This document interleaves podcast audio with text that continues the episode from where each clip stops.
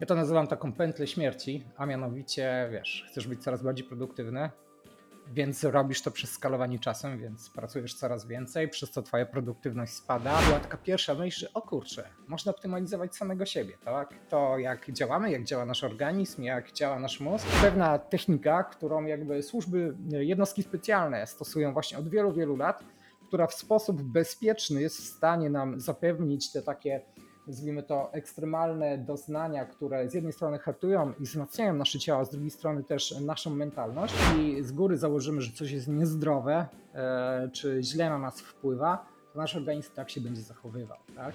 Jesteś w stanie wykryć trend, e, czyli tego, że na przykład się przeciążasz, zanim odczujesz fizyczne skutki tego.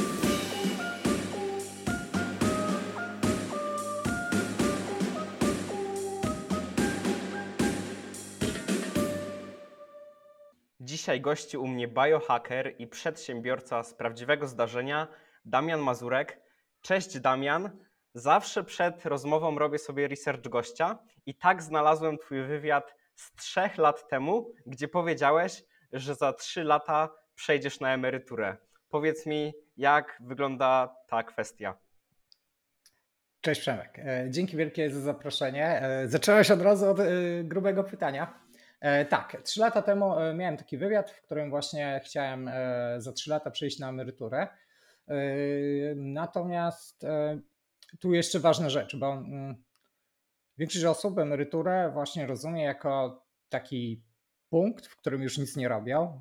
Ja jestem taką osobą, która nie jest w stanie nic nie robić, to już wiem o sobie, dowiedziałem się tego przez wiele lat. Natomiast w mojej definicji emerytura wygląda tak, że jest to punkt w czasie, w którym mówiąc wprost, robię to, co chcę, e, a nie to, co chcę powiedzieć, że muszę, ale nie to, co jest tak e, wymagalne ode mnie do robienia przez jakieś e, instytucje, osoby trzecie i tak dalej. Czyli de facto rozwijam swoje własne inicjatywy, swoje własne pasje i de facto jestem, jak to się mówi, sam sobie sterem, żaglem i okrętem, jak to mówił pewien znany polski poeta. I tak, w życiu, gdzie w tą definicję e, się wpisuje. Czyli już de facto przez te trzy lata e, zrobiłem kilka exitów, czyli sprzedałem kilka firm. E, wiele się nauczyłem, wiele zoptymalizowałem, zbudowałem pewną, nazwijmy to, wolność finansową, która też pozwala mi odpowiednio działać. I, i myślę, że w ten sposób definiując emeryturę, to tak, już, już doszedłem, doszedłem do tego poziomu. Natomiast e, to, co też dowiedziałem się o sobie przez tych kilka ostatnich lat, jest takich, że jestem taką osobą, która z takiej perspektywy robienia czegoś, to pewnie będzie robiła coś do końca swoich dni, e, bo w pewien sposób sprawia mi to przyjemność. Tak? Ja lubię robić nowe rzeczy, lubię coś odkrywać, lubię się uczyć, e, lubię realizować cele, lubię, mówiąc wprost, osiągać pewne rzeczy, które sobie zakładam. I jest to taka nieodzowna część mnie. Mam dokładnie tak samo. Po prostu nie potrafię nic nie robić i prędzej czy później zacznę coś robić nawet z braku laku po prostu. Na pewno ogromnie Ci gratuluję, skoro przeszedłeś na emeryturę w swojej definicji tego słowa. I na początku zapowiedziałem Cię wielkim ogólnikiem, no przedsiębiorca. Czy chciałbyś może coś więcej powiedzieć o sobie? Hmm. E, dobrze, e, tak. E, tak jak powiedziałeś, zajmuję się wieloma rzeczami. Ja ogólnie określam siebie jako tak zwanego lifelong learnera, czyli osobę, która po prostu ciągle uczy się nowych rzeczy, próbuje nowe rzeczy, lubi robić wiele różnych rzeczy. Za dużo słowa rzeczy chyba. Ale, ale tak. I gdzieś bezpośrednio jest to też powiązane przez tych ostatnich x lat e, założyłem wiele różnych firm z różnych dziedzin, e, bo mówimy tutaj na przykład o IT, e, o cloud computingu, mówimy o nieruchomościach, mówimy o długowieczności, o spółce finansowej, czy chociażby pierwsze, od których zaczynałem, czyli firmy związane z automatycznymi, a raczej inteligentnymi budynkami. Wtedy to była automatyzacja budynkowa, dzisiaj nazywa się to inteligentne budynki portal, e, nazwijmy to taki z wiadomościami regionalny, system automatyzacji podróży i wiele, wiele innych gdzieś tam, gdzieś tam po drodze. Także, także trochę tego było, natomiast większość tych rzeczy właśnie jest spowodowana tą chęcią poznawania i tworzenia nowych rzeczy, więc tak to mniej więcej wygląda. Mm. Także ciężko jest mi się scharakteryzować takim jednym słowem, czym się zajmuję i kim jestem. Często też jak mnie ludzie pytają, e, czym się zajmuję, to rzeczywiście sprawia to pewną, pewną trudność. Mm, pewną trudność, więc albo mówię ogólnie, że jestem przedsiębiorcą, albo że zajmuję się technologią, albo coś, coś w tym stylu. Naprawdę przestrzał działalności, których się podejmowałeś, jest bardzo duży. I teraz pytanie do Ciebie, jaką w nim rolę grał biohacking, jak w ogóle zaczęła się Twoja przygoda z biohackingiem i co miała wspólnego z Greenfieldem? tak jest. E, dobrze. Mm, moja przygoda z biohackingiem zaczęła się już, no, jak miałem mniej więcej 30 lat, czyli już około 7 lat temu, w którym właśnie mm, skończyłem taki nazwijmy to pewien okres e, czasu, gdzie współpracowałem z takim e, startupem, gdzie rozwijaliśmy tam, e, nazwijmy to, elementy, elementy IoT, system IoT, tak w dużym skrócie. I wtedy niestety popadłem w taki, ja to nazywam taką pętlę śmierci, a mianowicie, wiesz, chcesz być coraz bardziej produktywny, więc robisz to przez skalowanie czasem, więc pracujesz coraz więcej, przez co twoja produktywność spada, e, bo nie regenerujesz się, nie wysypiasz się, nie optymalizujesz siebie, zawalasz różne aspekty swojego zdrowia i swojej biologii, przez co znów poświęcasz coraz więcej czasu, no bo skoro produktywność w jednostce czasu spada, no to jedyna, jedyny sposób, przynajmniej wtedy jaki widziałem, to przeskalować ilość czasu, e, co de facto prowadziło do dalszego spadku tego wszystkiego, spadku energii, stanu zdrowia. Bardzo przytyłem wtedy. E, pamiętam, że ważyłem coś 100 parę kilogramów chyba na koniec tego, tego e, etapu, zanim postanowiłem wprowadzić pewne zmiany. Tutaj, jeśli chodzi o, nazwijmy to, moją biologię. Więc, więc w pewnym momencie już stwierdziłem, że chyba pora coś zmienić i tutaj całkowicie przez pomyłkę e, natchnąłem się na filmik Bena Greenfielda. I on miał wtedy taki e, popularny film, to w ogóle YouTube mi go polecił, e, w którym opowiadał, był to jakiś wywiad z konferencji, na której opowiadał, on wtedy chyba miał 30 parę lat, 35 albo 36, mm, albo trochę mniej, i opowiadał właśnie o swojej podróży, w którym w pewien sposób odwrócił swój proces starzenia, zoptymalizował się odpowiednio i tak dalej, czyli o swojej tam przygodzie z biohackingiem. I wtedy, mm, i wtedy tak e, to do mnie dotarło, czyli to był, była taka pierwsza myśl, że o kurczę, można optymalizować samego siebie, tak? To jak działamy, jak działa nasz organizm, jak działa nasz mózg i dokonywać pewnego procesu zmiany, który bazuje nie na tym, że po prostu więcej pracujemy i bardziej się dojeżdżamy, ale bardziej optymalizujemy siebie pod względem efektywności. I tak mniej więcej zaczęła się e, moja przygoda, czyli zacząłem zgłębiać ten temat. E, oczywiście na początku zaczęło się od Bena Greenfielda z racji tego filmiku, więc szukałem tam, e, znalazłem chyba jego bloga, jego podcast, zacząłem to słuchać i coraz bardziej ta koncepcja biohackingu do mnie zaczęła przemawiać. Mało tego, w pewnym momencie zdałem sobie też taką sprawę, śledząc ten cały temat, że de facto to podejście tej optymalizacji siebie to jest rzecz, która jest y, znana od dawna na przykład w arenie sportu. Tak? Większość profesjonalnych sportowców e, optymalizuje siebie. Tak? E, jeśli tam sprawdzimy na przykład, ile pieniędzy wydają y, koszykarze NBA tylko po to, żeby dbać o swoje zdrowie i de facto optymalizować się, no to to są grube miliony dolarów. I wtedy też naszła mnie taka myśl, o kurczę, jakby to przenieść do świata, nazwijmy to, tego biznesu, czyli wziąć te same praktyki optymalizacji siebie, które występują właśnie w sporcie e, i zastosować po to, żeby zoptymalizować siebie jako właśnie przedsiębiorcy czy e, osobę realizującą, e, czy normalnie pracującą, nazwijmy to, czyli nie uprawiającą profesjonalnego sportu i zobaczyć, jak to wszystko zacznie, jak to wszystko zacznie działać. I tak, i powiem Ci, że była to jedna z lepszych decyzji, e, ponieważ doprowadziła do punktu, w którym jestem, pozwoliła mi de facto ogarnąć, nazwijmy to, no praktycznie każdy aspekt mojego życia, podnieść moją produktywność, podnieść mój poziom well-beingu, zdrowia, schudnąć 20 kilo, nabrać trochę masy mięśniowej i tak dalej, i tak dalej, tak? Mm, więc, więc jestem bardzo, bardzo z tego zadowolony.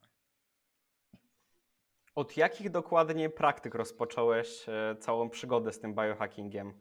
E, czy było to, był to sen, czy może e, dieta? Jak to wyglądało?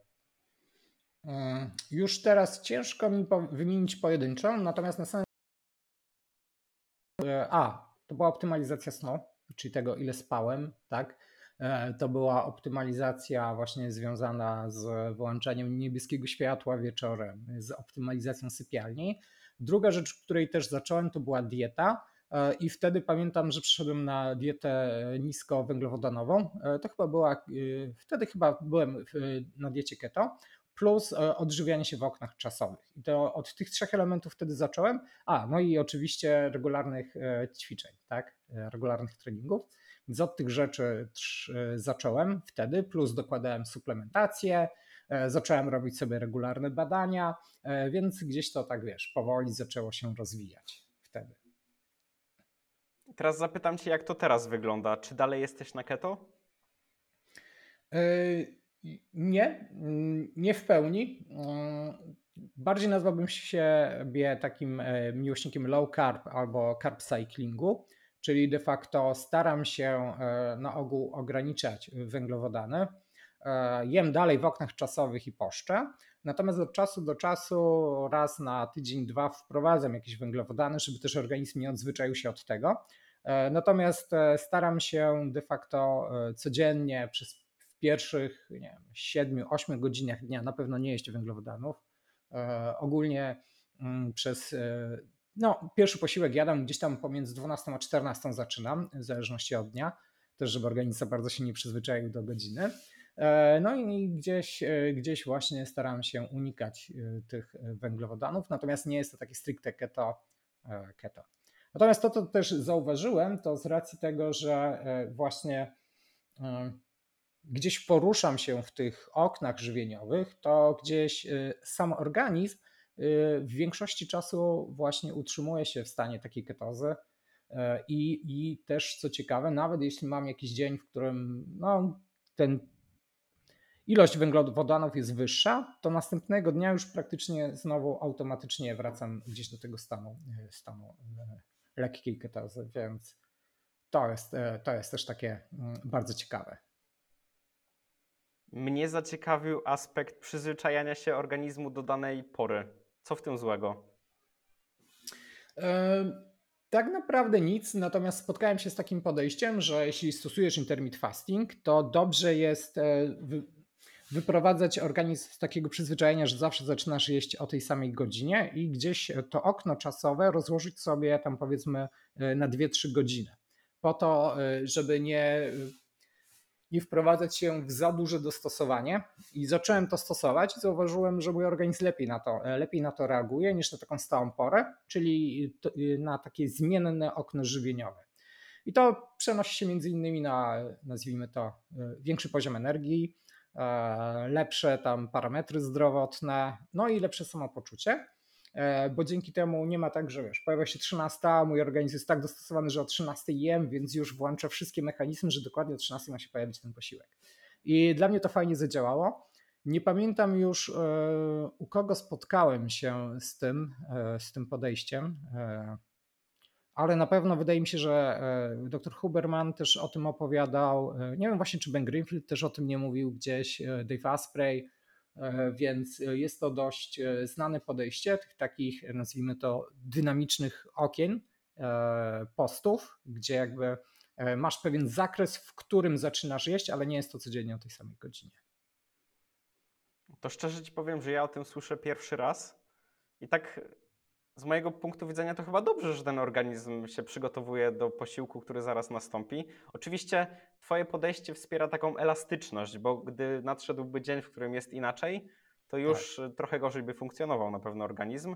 A jeszcze Cię dopytam, ile czasu masz tego okna? Klasycznie 8 godzin? E, w sensie jedzenia. E, tak, gdzieś pomiędzy 8 a 4. Mm, tutaj gdzieś w tych, w tych zakresach się bezpośrednio, bezpośrednio poruszam. E, no i raz na dwa tygodnie robię sobie 24 godziny plus postu. Raz na dwa tygodnie. Tak, plus tak. 24 Kiedyś robiłem, jak jest.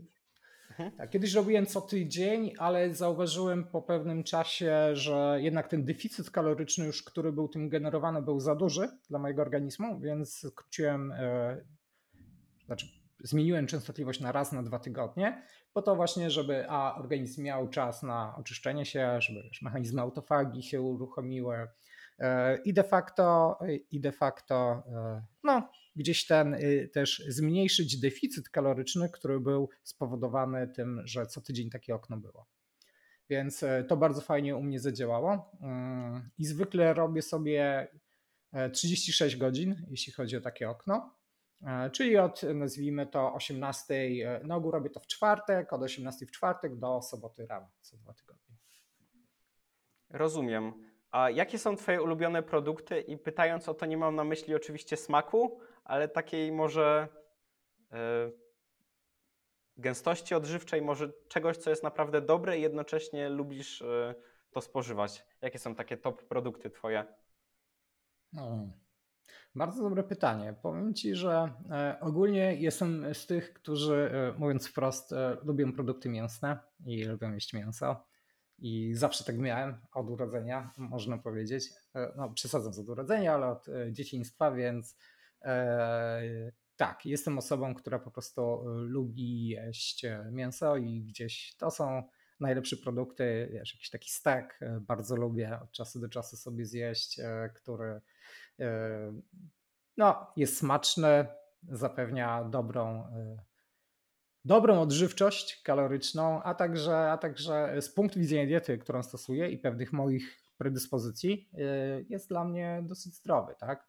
Tutaj też trzeba pamiętać, że mocno na to, co dla nas jest dobre, czy nie, też wskazuje to, wskazują w pewnym stopniu nasze geny, pewne nawyki, które zdobyliśmy, czy nawyki, które wypracowali nasi przodkowie. I tutaj też e, spotkałem się z taką teorią, że w zależności od tego, skąd pochodzili nasi przodkowie i do czego się dostosowali, e, tak, taka dieta dla nas jest bardziej skuteczna. Tak? I e, na przykład często dla osób, które gdzieś tam są w tych, nazwijmy to, zimniejszych częściach świata, gdzieś oni bardziej są dostosowani na przykład do jedzenia mięsa. Tak? E, niektórzy, którzy znajdują się właśnie w takich bardziej, nazwijmy to, e, terenach, w których jakby ten dostęp e, na przykład do owoców, do warzyw był dużo, dużo wyższy, lepiej sobie radzą, czy bardziej ich organizm lepiej znosi właśnie dietę bardziej bogatą na przykład węglowodany i, i tak dalej, i tak dalej. I jest to bardzo ciekawa teoria. E, oczywiście jak ze wszystkim są zwolennicy i przeciwnicy, E, natomiast, natomiast dla mnie gdzieś e, to właśnie ta dieta e, mocno bazująca na mięsie bardzo dobrze się sprawdza. Rozumiem. Tak właśnie a propos tego tematu geograficznego, to za niedługo planuję właśnie nagrać podcast z Agatą Jurkowską. Już nagrałem jeden podcast mhm. o karniworze i teraz chcemy nagrać drugi o chronobiologii i tym, jak ta sezonowość wpływa potem na dietę. I to się tak. również łączy właśnie z różnymi miejscami zamieszkania. Ale wracając teraz do tego podcastu, z żywieniem, z dietą nierozłącznie łączą się suplementy. Jak, jak wygląda Twoja suplementacja aktualnie? Hmm, to bardzo dobre pytanie. Mm, natomiast e, opowiem tylko o części, e, bo mm, mówiąc wprost, czasami okazuje się, że niektóre suplementy, które przyjmuję, już nie są suplementami e, dopuszczonymi na naszym rynku. I tak, i czasami mogą wynikać z tego różne, nazwijmy to, konsekwencje. Krótki przerywnik. Jeżeli dalej słuchasz tej rozmowy, to znaczy, że Cię zainteresowała. Chcesz widzieć więcej rozmów tego typu? Zostaw teraz pod tym filmem łapkę w górę, daj oczywiście subskrypcję i w komentarzu zostaw taką oto emotkę małpki. Pokazuje mi ona, że nie jesteś botem, a prawdziwym Homo sapiens a w dodatku wspierasz cały projekt oraz moje morale. Dziękuję i wracamy teraz do rozmowy. Moja suplementacja dzieli się na takie mm, dwie, dwa elementy, czyli suplementacja poranna i suplementacja wieczorna. Wieczorna przed snem, no i poranna właśnie na taki rozruch. I z takich podstawowych rzeczy, które wydaje mi się, że większość osób gdzieś tam powinna suplementować, no to na pewno jest witamina D, omega-3, E, które, które właśnie e, obydwie, obydwa te suplementy staram się, e, nazwijmy to, zażywać codziennie. Tutaj ok, jest kilka teorii, czy takich, no nazwijmy to teorii, mówiących o tym, że suplementowanie omega-3 w takich warunkach domowych może nie do końca być ok, bo bardzo ciężko, albo inaczej, bardzo często dochodzi po prostu do jakichś zmian już z omega-3 do omega-6, z powodu tego, jak to przechowujemy, temperatury, dostępu światła i wielu, wielu innych czynników. E, natomiast e, Natomiast e, jest też druga część tutaj sceny, która mówi, że i tak warto, więc ja gdzieś jestem z tą częścią, więc twierdzę, że i tak warto, i tak to robię. I właśnie widzę dość duży dość dużą optymalizację, jeśli chodzi chociażby o pracę mojego mózgu dzięki temu i zdrowie. Elementy, które, którymi rano się suplementuje, to na przykład NMN, e, e, czyli, mm, czyli substancja, która jest prekursorem NAT+, którą kiedyś, nazwijmy to, o której dowiedziałem się od doktora Davida Sinclaira,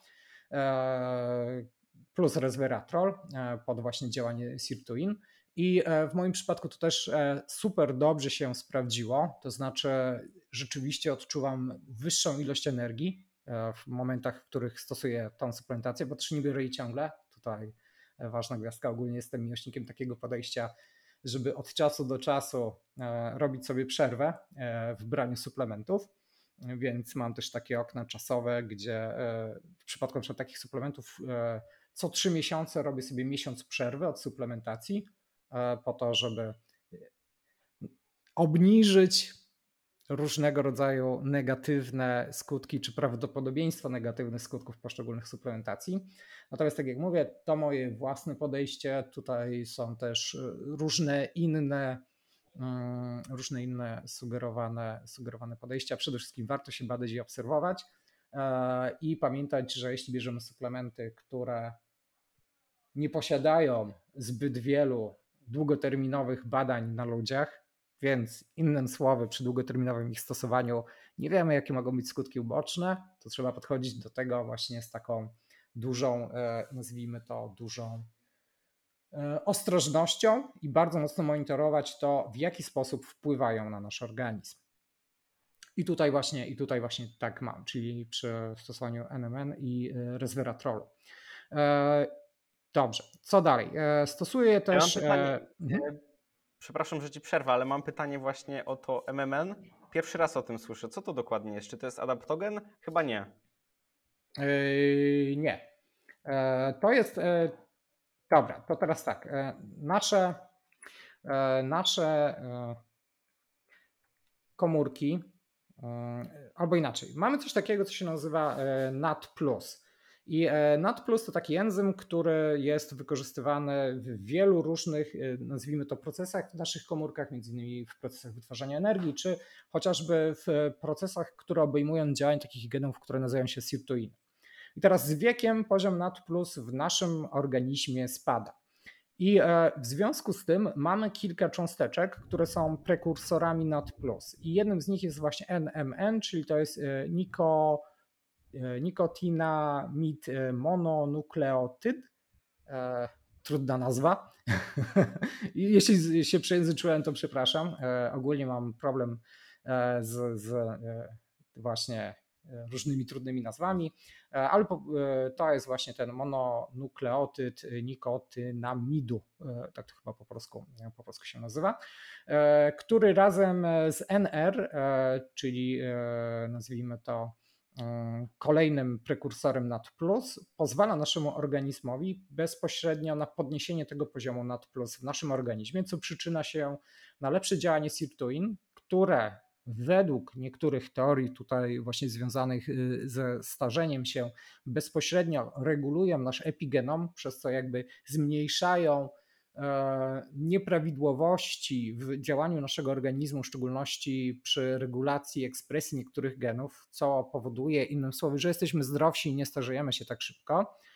Drugi element to właśnie wykorzystanie NAT plus przy procesach produkcji energii, który powoduje, że w momencie, gdy suplementujemy się takim NM, NMN między innymi, to nasz poziom energii E, tutaj mocno wzrasta i to też pokazuje wiele badań, gdzie już po 30 dniach właśnie można zaobserwować taki wzrost energii podczas takiej suplementacji. I u mnie e, empirycznie też mogę to potwierdzić, też to tak po prostu działa. Rzeczywiście e, po takiej suplementacji odczuwam dużo wyższy poziom energii i dużo wyższy, dużo wolniej się męczę. No i de facto gdzieś te, chcę powiedzieć, że procesy starzenia się zwolniły, ale ale mniej więcej chyba tak, bo gdy analizuję swoje badania, e, czy tak ogólnie mm, swoją, e, nazwijmy to, sprawność fizyczną na zasadzie ogólnego well-beingu, to wydaje mi się, że jest on e, na takim poziomie osoby jeszcze przed 30.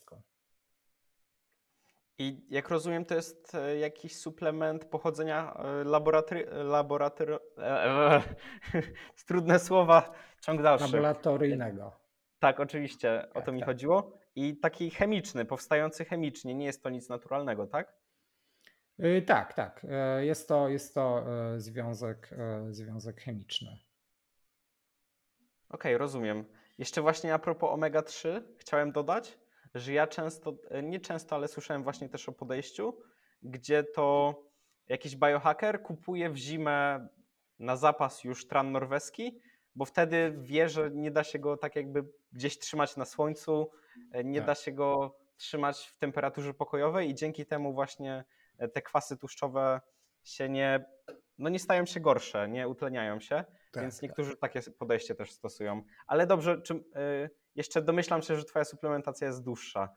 Co tam jeszcze się w tak, niej znajduje? Tak, tak. E, tak. E, Okej, okay. E, mam jeszcze takie dwie substancje, które też e, suplementuję z punktu widzenia długowieczności, mm, ale może o nich nie będę jeszcze mówił.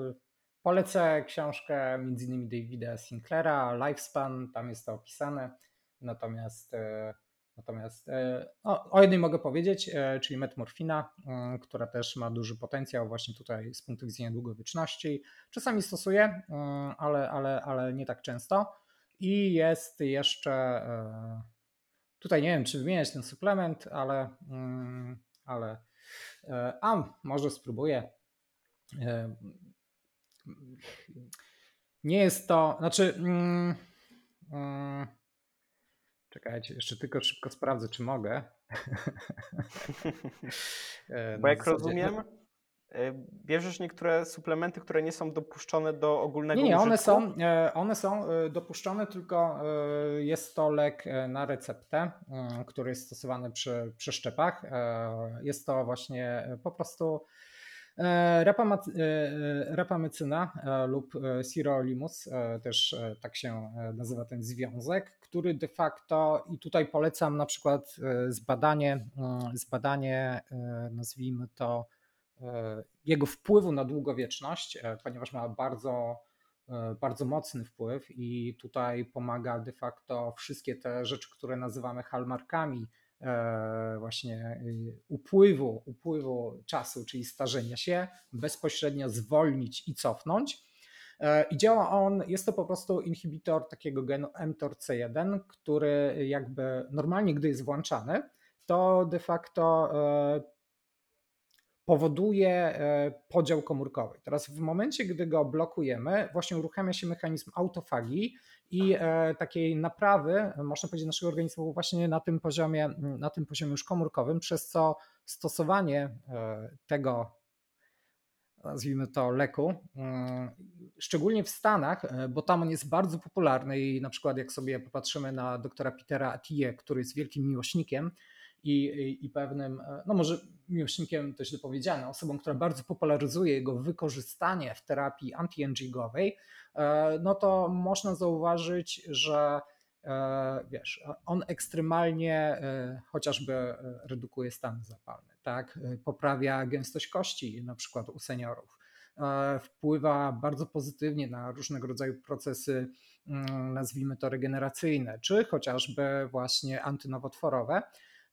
I w Stanach bardzo dużo osób stosuje go właśnie jako taki suplement, który wykorzystuje do, nie chcę powiedzieć, że walki ze starością, ale niwelowania tego, mm,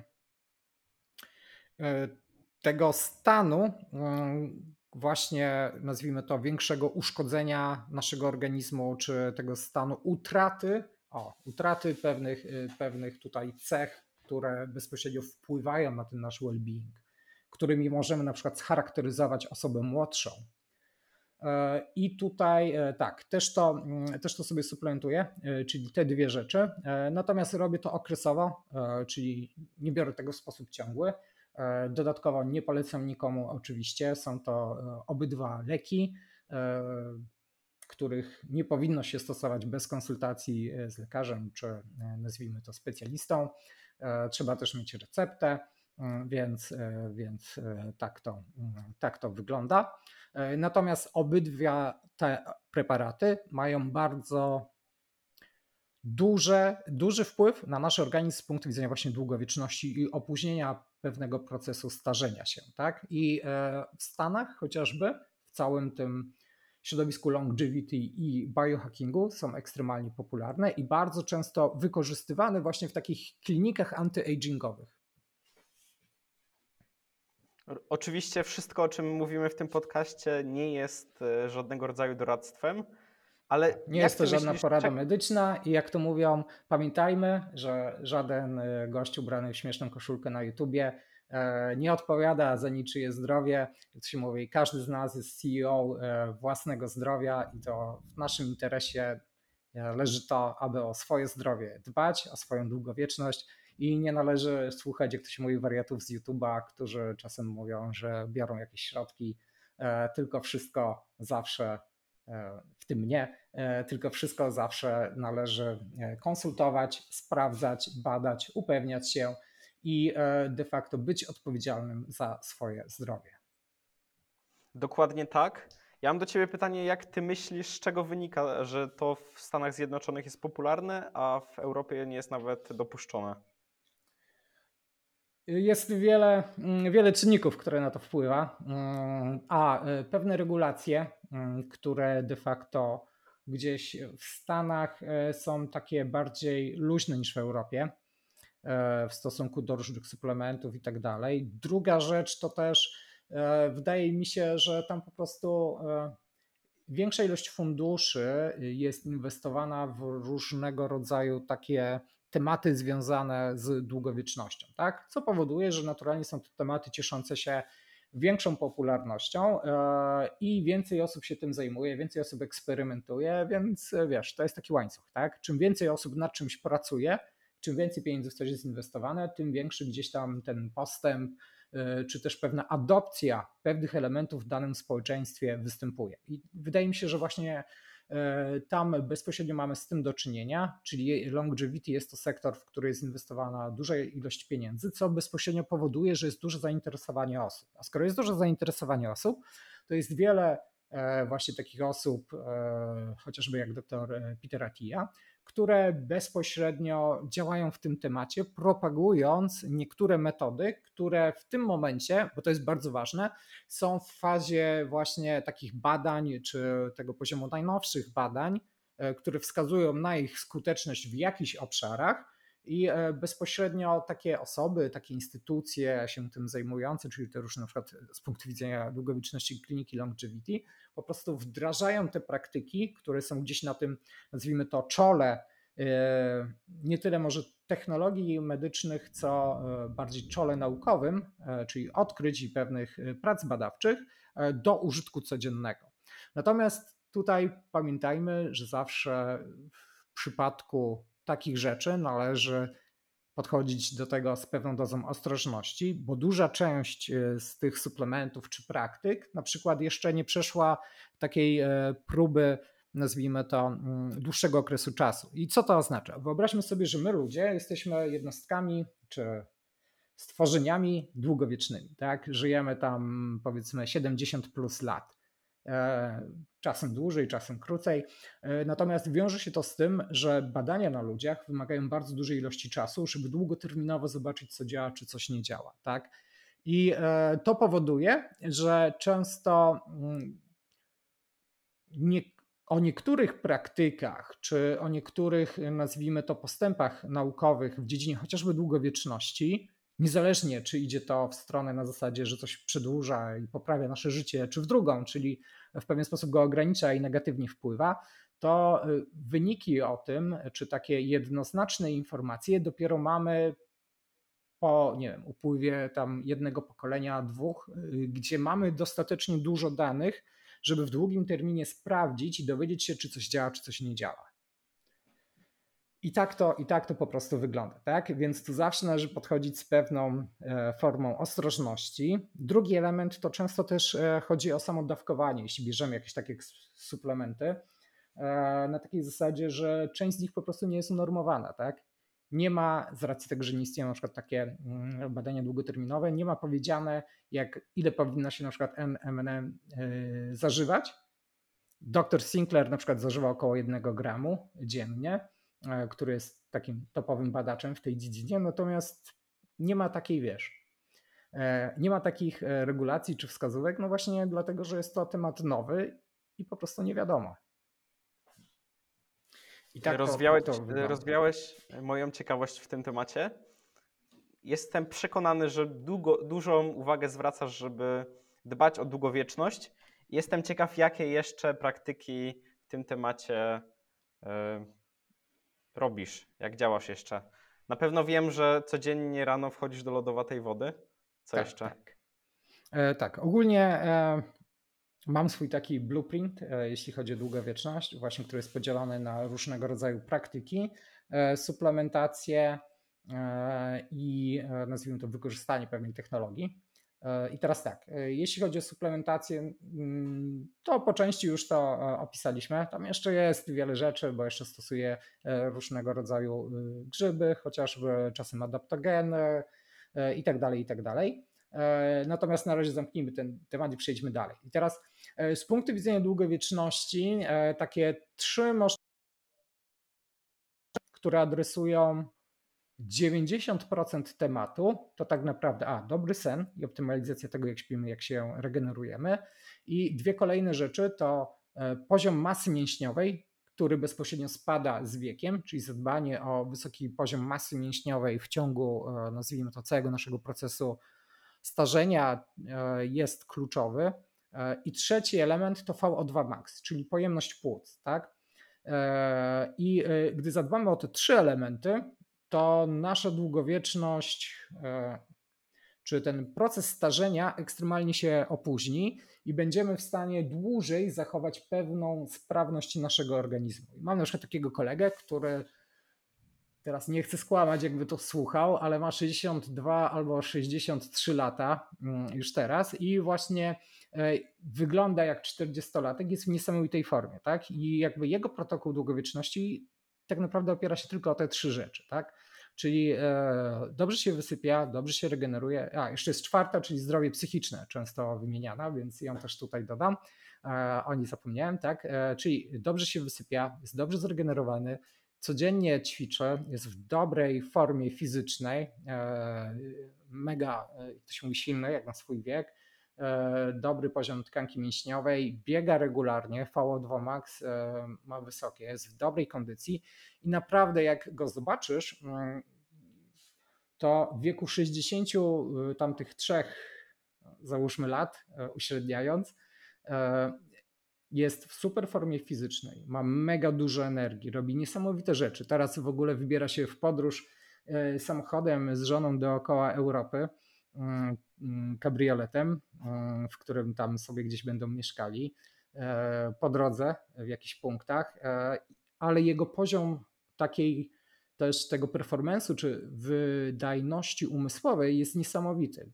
On, Piotrek ma na imię, pozdrawiam go, jeśli nas ogląda, w wieku 60 lat, e, zacząłem, gdyby on miał 60 lat, zaczęliśmy razem współpracować, tak? W dziedzinie cloud computingu, która była, no, jest e, bardzo nową dziedziną i tak z perspektywy osoby 60-letniej, I de facto wejście do niej wymaga pewnego kompleksowego zrozumienia tego tematu, poznania tych mechanizmów i takiej ciekawości życiowej.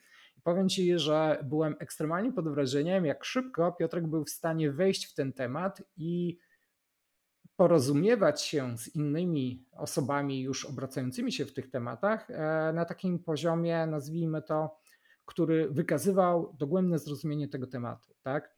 I oczywiście nie była to osoba stricte techniczna, tylko bardziej zajmująca się business developmentem, e, więc nie miał bardzo głębokiej wiedzy technicznej, ale ten sam proces tego szybkiego dostosowania się do tego w wieku tam 60 lat miał, jak do nas wtedy dołączył, poznania tego, e, tej takiej motywacji do działania, poziomu energii i takiego poziomu e, też e, mentalnego, gdzie był rzeczywiście, gdy się z nim rozmawiało, to wydawało się, że rozmawiasz z takim trzydziestokilkulatkiem w topowej formie, jeśli chodzi wiesz, o te umiejętności poznawcze, kognitywne, przetwarzanie danych, jak to się mówi, no to to było niesamowite, to było niesamowite, tak? I on jest e, takim żywym przykładem, że zadbanie właśnie o te elementy, czyli dobry sen, e, odpowiedni poziom tkanki mięśniowej, dobre VO2 max i właśnie takie optymistyczne podejście do życia i zdrowie psychiczne,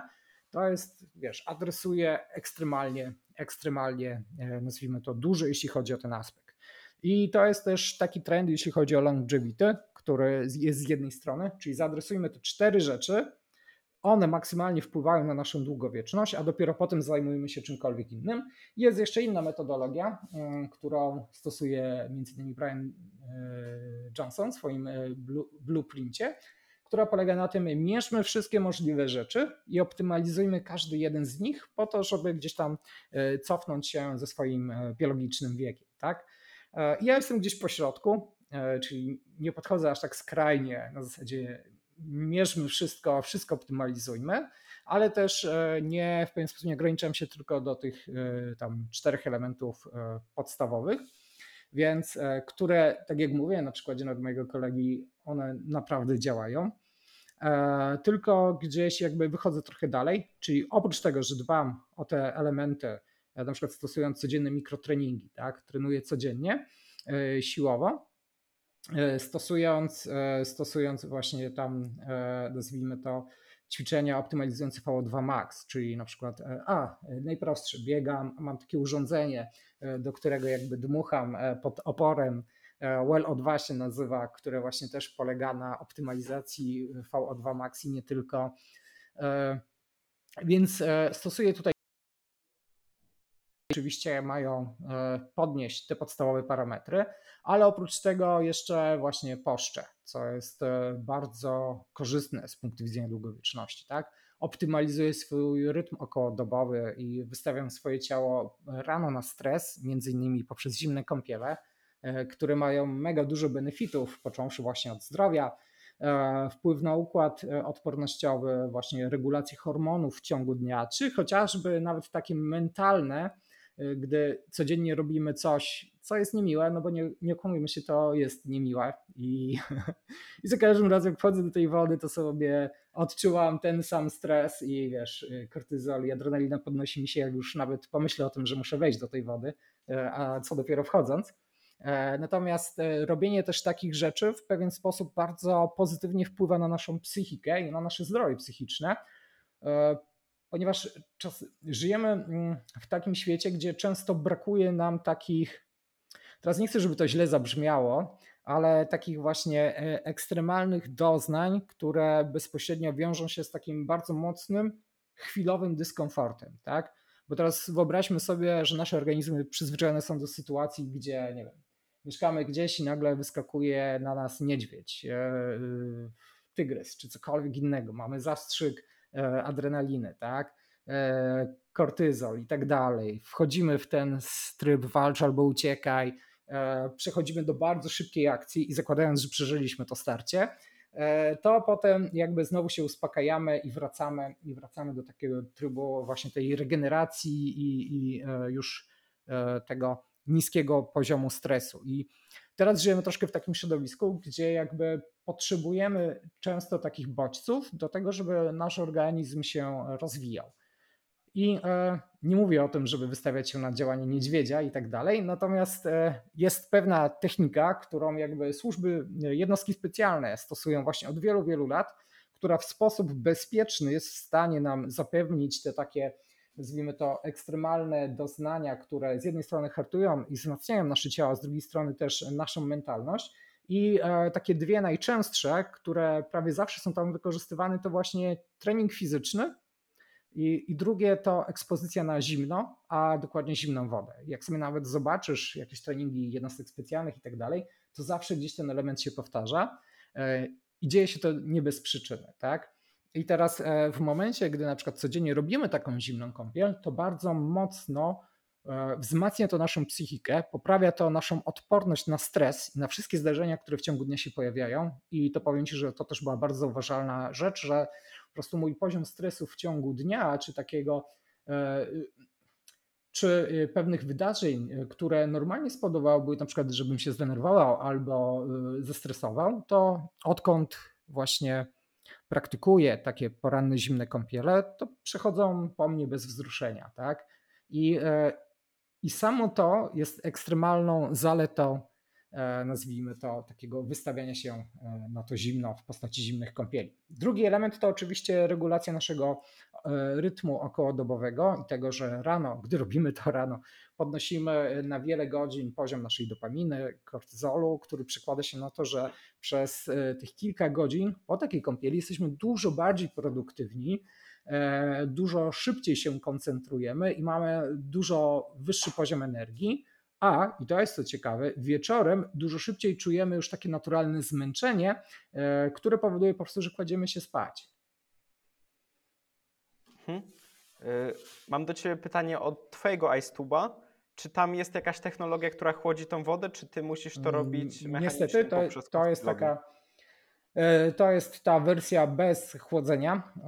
Dzięki temu jest bardziej przenośna, więc jakby muszę wkładać tam lód do niego. Mm, Natomiast e, o tej, w tej porze roku, e, ponieważ wiadomo, jak jest zima, czy wczesna wiosna lub e, wtedy woda naturalnie jest tam gdzieś koło 4 stopni plus minus. Teraz de facto już jest taka bez chłodzenia na poziomie 16 stopni przy aktualnej temperaturze rano, więc de facto niestety trzeba już dosypywać lodu po to, żeby ją obniżyć tak do około 10 stopni, ewentualnie trochę poniżej. Mhm. Jest teraz e, no, ciężko, jeśli nie ma się mechanicznego chłodzenia e, wbudowanego, to ciężko jest zejść poniżej 10 stopni z temperaturą wody. Tak, właśnie ja tęsknię już tylko za zimą, żeby móc sobie wejść do lodowatej wody. No chyba raz na jakiś czas można zainwestować w lód i zrobić sobie tak. taką kąpiel. Ja bym chciał bardziej rozwinąć temat snu. Przygotowałem sobie mhm. pytanie, czy dalej korzystasz z Oura Ring, ale widzę już, że na Twoim palcu niezmiennie się on znajduje, więc e, jestem ciekaw, jak Ty z niego korzystasz. Co Ty realnie tam sprawdzasz? Mhm. Y, dobrze, y, to bardzo dobre pytanie. Ogólnie może kilka słów o Oura Ring. Oura Ring to taki pierścień, który mierzy kilka takich elementów, e, nazwijmy to. Jednym z nich jest właśnie mm, nasz sen, czyli e, całkowity czas spania, czas, kiedy kładziemy się spać, czas, kiedy wstajemy oraz próbuje namierzyć e, poszczególne fazy snu, ich długość. Tutaj wiadomo, jak to urządzenie, które umieszczone jest na palcu, dokładność e, wskazywania poszczególnych faz jest trochę zaburzona, tak? No bo mamy różne wzorce ruchowe, poza tym namierzanie poszczególnych faz, tam epoch by epoch, snu jest e, trudnym zadaniem i wymaga zaawansowanego oprzyrządowania, które będzie mierzyło x e, różnych tam elementów. Więc to raczej akurat w tym przypadku, czy ogólnie każdego wearable, stwierdzanie ile trwał sen głęboki, faza REM i tak dalej, traktowałbym bardziej jako opiniotwórczy niż dokładny pomiar. E, natomiast oprócz tego mierzy też parametry pracy naszego serca, takie jak nasz puls, Mm, oraz taki współczynnik, który nazywa się HRV, czyli Heart Rate Variability. który bezpośrednio przekłada się na nasz, albo inaczej, poziom współczynnika HRV, czy tak naprawdę jego zmiana przekłada się, czy daje nam informację o tym, jak bardzo nasze ciało zdążyło się zregenerować po stresie, którego doświadczyliśmy w danym dniu. I teraz cała koncepcja polega na tym, że e, w nocy powinniśmy wypoczywać, a e, w ciągu dnia powinniśmy wystawiać się na pewien poziom stresu. Tak? E, I teraz mamy takie dwa przypadki, czyli w momencie, gdy wystawiamy się na ten stres, różnie definiowany mm, w ciągu dnia, do tego sobie zaraz przejdziemy, to możemy być w scenariuszu, w którym zdążymy się zregenerować w ciągu nocy i wstaniemy wypoczęci, zregenerowani, gotowi na kolejne nazwijmy to, wyzwania kolejnego dnia, lub może być scenariusz, w którym zadziała to w drugą stronę, czyli ten stres będzie tak duży, że a, nie uda nam się zregenerować śpiąc, więc staniemy zmęczeni, mm, nasze ciało w pełni nie wypocznie, lub ta jakość naszego snu i czasu regeneracji e, spowoduje, że mm, pomimo tego, że nie był to duży stres, my i tak nie wypoczniemy, tak? E, bo I teraz Analizując to za pomocą takiego urządzenia jak na przykład Aura Ring, e, możemy bezpośrednio podejmować pewne decyzje na temat naszego sposobu życia, optymalizacji procesu regeneracji, tutaj głównie mówimy o śnie, po to, aby maksym, maksymalizować ten proces regeneracji, który pozwala nam zwiększyć poziom stresu. Jako poziom stresu mam na myśli e, nie takiego potocznego stresu, tylko wszystkich tam elementów e, obciążenia. O, może to jest lepsze słowo. Poziom obciążenia w ciągu dnia, ponieważ i tak uda nam się e, zregenerować, tak? I teraz Aura Ring mierząc właśnie e, te parametry naszego snu, o których wspominałem, mierząc puls i to, w którym momencie w ciągu nocy się stabilizuje, mierząc poziom HRV, mierząc jeszcze temperaturę naszego ciała i poziom aktywności w ciągu dnia, wylicza nam e, różnego rodzaju parametry. Oni to nazywają readiness score, czyli ten właśnie poziom e, naszej gotowości do podjęcia poszczególnych akcji, który jest liczony gdzieś pomiędzy 0 a 100. I teraz, jak ja wykorzystuję Aura Ring? Noszę go po to, żeby tworzył mi takie pomiary. I teraz, w zależności od tego, gdy wprowadzam jakąś nową rzecz do swojego planu dnia, czy e, zaczynam chociażby eksperymentować z jakimś nowym suplementem, czy z jakąś nową praktyką czy rutyną, to badam, jak przekłada się to właśnie na mój codzienny poziom regeneracji. I na przykład e, weźmy sobie zimne kąpiele. Mm, chyba najlepiej się tłumaczy na przykładzie, tak?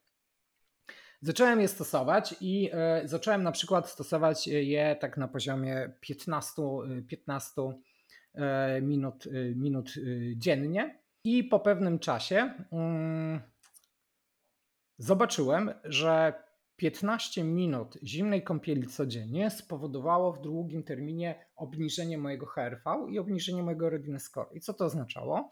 Że tych 15 minut zimnej kąpieli codziennie powodowało, że był to za duży stres jednak dla mojego organizmu i codziennie powtarzany obniżał mój poziom regeneracji. Więc na przykład zmniejszyłem ten czas e, do tam 8 minut. Tak? Teraz mniej więcej pomiędzy 5 a 8 e, staram się e, zażywać zimnej kąpieli codziennie i zobaczyłem, że ta zmiana spowodowała, że mój HRV i proces regeneracji wzrósł. Tak? Czyli to była optymalna zmiana, czyli skrócenie tego czasu, tej ekspozycji na zimno, tego stresu związanego z przebywaniem w zimnej wodzie, która pozytywnie wpłynęła na mój poziom regeneracji dostarczając mi tej, wiesz, e, wyższej koncentracji wszystkich tych elementów, o których wspominałem.